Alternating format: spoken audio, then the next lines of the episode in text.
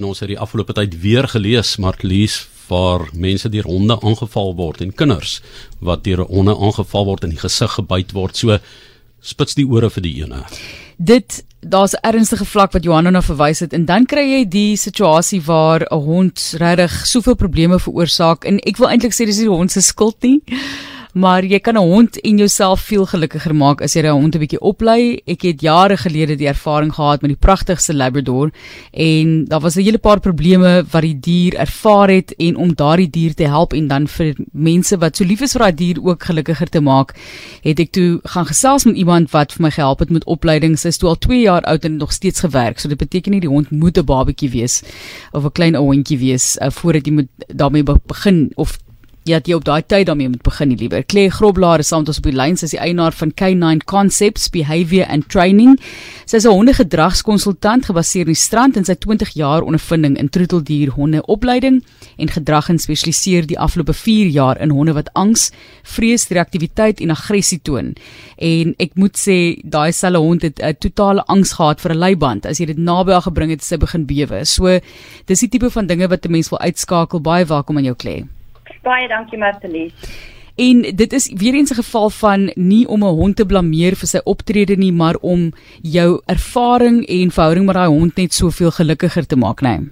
Ja, nee, ek stem saam. Die beste is maar as as mense 'n klein hondjie het of mense het 'n hondjie aangeneem by die by die welsyn en die hondjie is nou al 'n paar jaar oud of 'n paar maande oud, is maar so vroeg as moontlik met enige opleiding te begin en of dit nou 'n klein hondjie klas is en of dit nou 'n gehoorsaamheid klas is Uh, dit is altyd beter om so vroeg as moontlik te begin.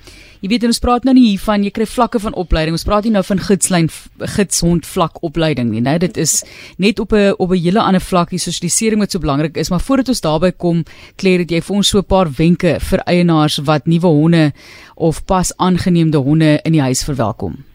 Ja, soos ek gesê het, as as dit 'n klein hondjie is onder die ouderdom van uh 16 weke, dan is 'n papier groepssosialiseringsklas die belangrikste. Um hulle het 'n imprintingsperiode vir sosiale vaardighede aanleer net tot en met 16 weke en wat dit beteken is die brein is baie plasties op hierdie stadium. Dit beteken hulle kan goedjies baie makliker aanleer. Um hulle vreesdryf is baie minder en hulle nuuskierigheidsdryf is baie sterker. Um so hulle is minder agterdogtig. Hulle sal hulle sal graag aan aan iets wil gaan ryk en en en gaan wil uh, bekendstelling maak met nuwe goedjies. Um so 'n puppy klas is altyd die beste ding om vroeg te begin en as jou hondjie nou 'n bietjie 'n paar maande ouer is of so, beteken dit nie die bus is gemis nie. Um hulle kan wel aansluit by 'n afrigter wat um 'n groepsklas doen vir adolessente of of tienerhonde. Um en dan gewoonlik in daardie tipe klasse is die die uh hoeveelhede honde wat in die klas is minder is, is minder want hulle is gewoonlik maar bietjie meer woeliger as pappies. Goed, sosialisering. Jy het nou verwys na hierdie klas help ons asseblief hoe ons moet kies. Ons moet dalk gesê hoe kies ons die hond in die eerste plek, maar jy jy weet mos dat 'n hond gekies word gekies want hy's oulik en hy's dis die een wat ek wil hê en ek hou van hoe hy lyk like en daai tipe van ding. So ons kan dit 'n ander dag bespreek, maar kom ons kyk bietjie na sosialisering. Reeds jou papie het, is dit belangrik om so vroeg as moontlik 'n papie klas te bespreek. Papie klasse se ehm um, die veelheid hondjies wat in 'n klas is, is maar gewoonlik maar net 6 tot 8.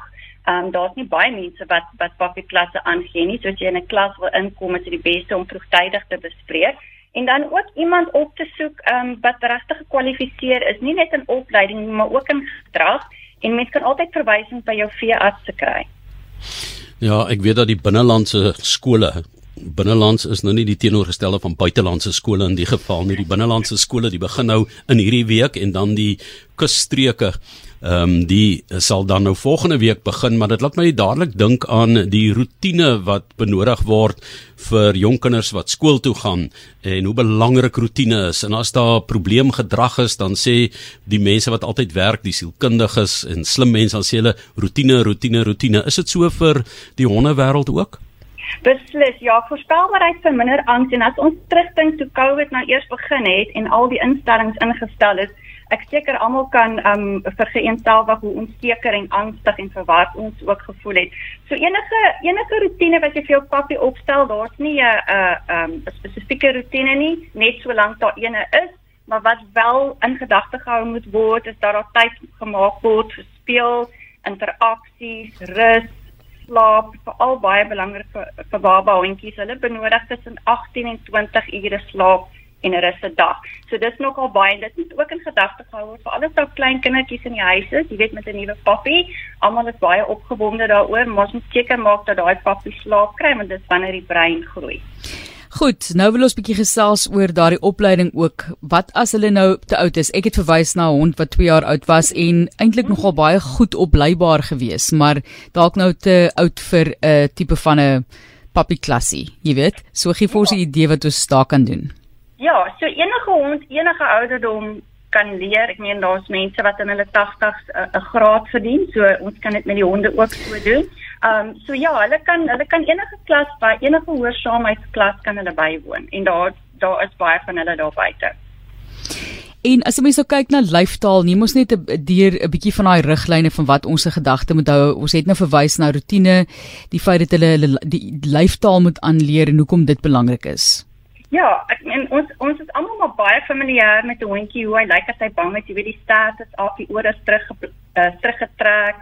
Um, hy blaf dalk, hy grom 'n bietjie, daar's dalk 'n bietjie 'n buitery, maar daar's baie mikrosyne wat hulle ook vir ons gee nog voordat hulle by daai stadium en uit uitkom. En dit is goedjies soos gaap, as jy weet jou hondjie het nou nie net opgestaan of hy's baie vaak nie, hy's besig om iemand te ontmoet vir die eerste keer en hy gaap baie of hy lek sy lippe, sy oogknip ritme kan ook vermeerder.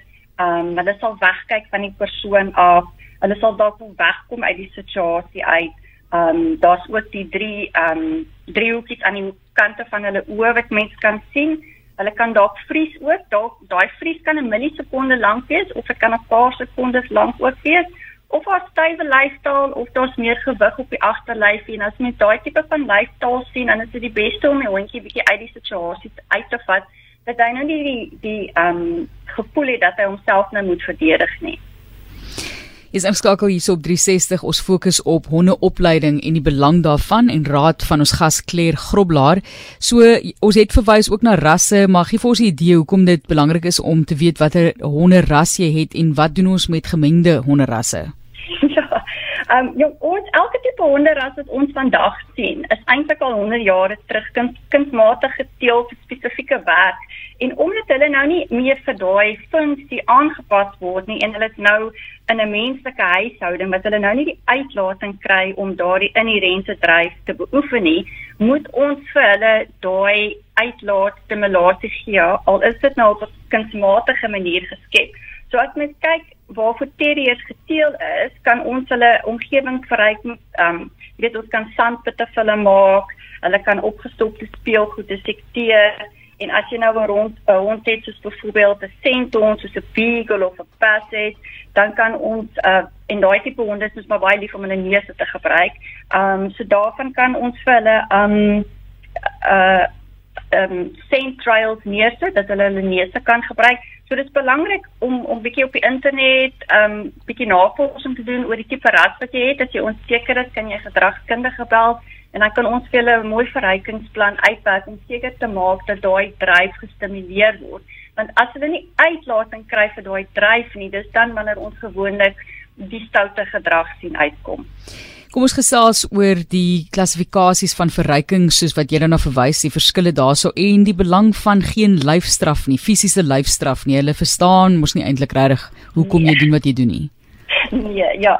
So die verryking kan kan ehm um, grootliks gedeel word in vier kategorieë. Die eerste een is fisiese verryking. Dit is dit is nou goed soos fisiese speel met jou hond, lopies, uitstappies wat mens dan ook moet balanseer met met rustige ehm um, aktiwiteite en dan kry mens nou sosiale verryking. Dit is nou interaksie met mense en ander honde, maar bygesê dit is ook net as jou hond dit geniet, want baie honde is miskien skaam, soos wat sommige mense is introvert en ekstrovert.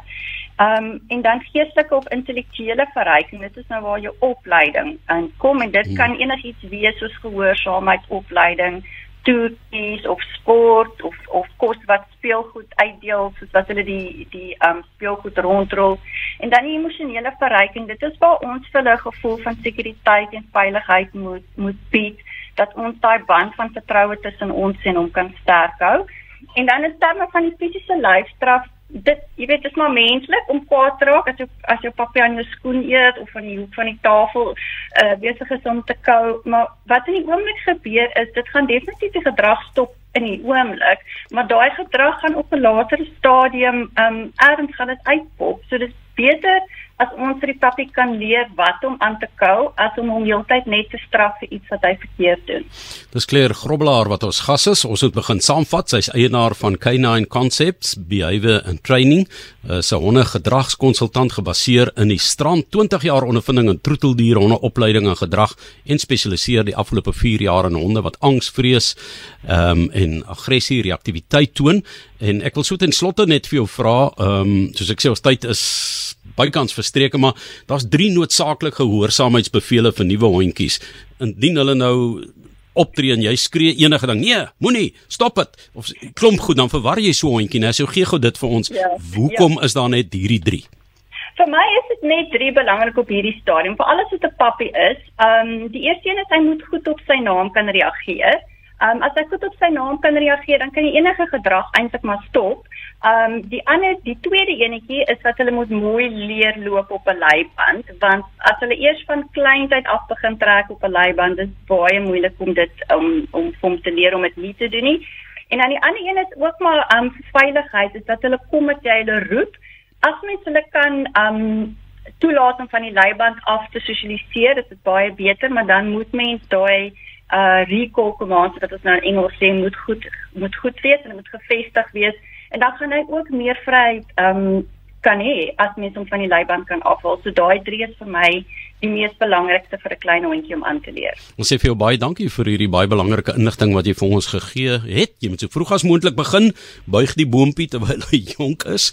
En uh, ons sê vir jou baie sterkte ook vir die jaar Claire Grobbelaar met al hierdie opleiding en en dan die die mooiheid wat in daardie hondjie na vore kom indien jy die hond deur daardie stappe geneem het. Dankie vir jou. Dankie Johan.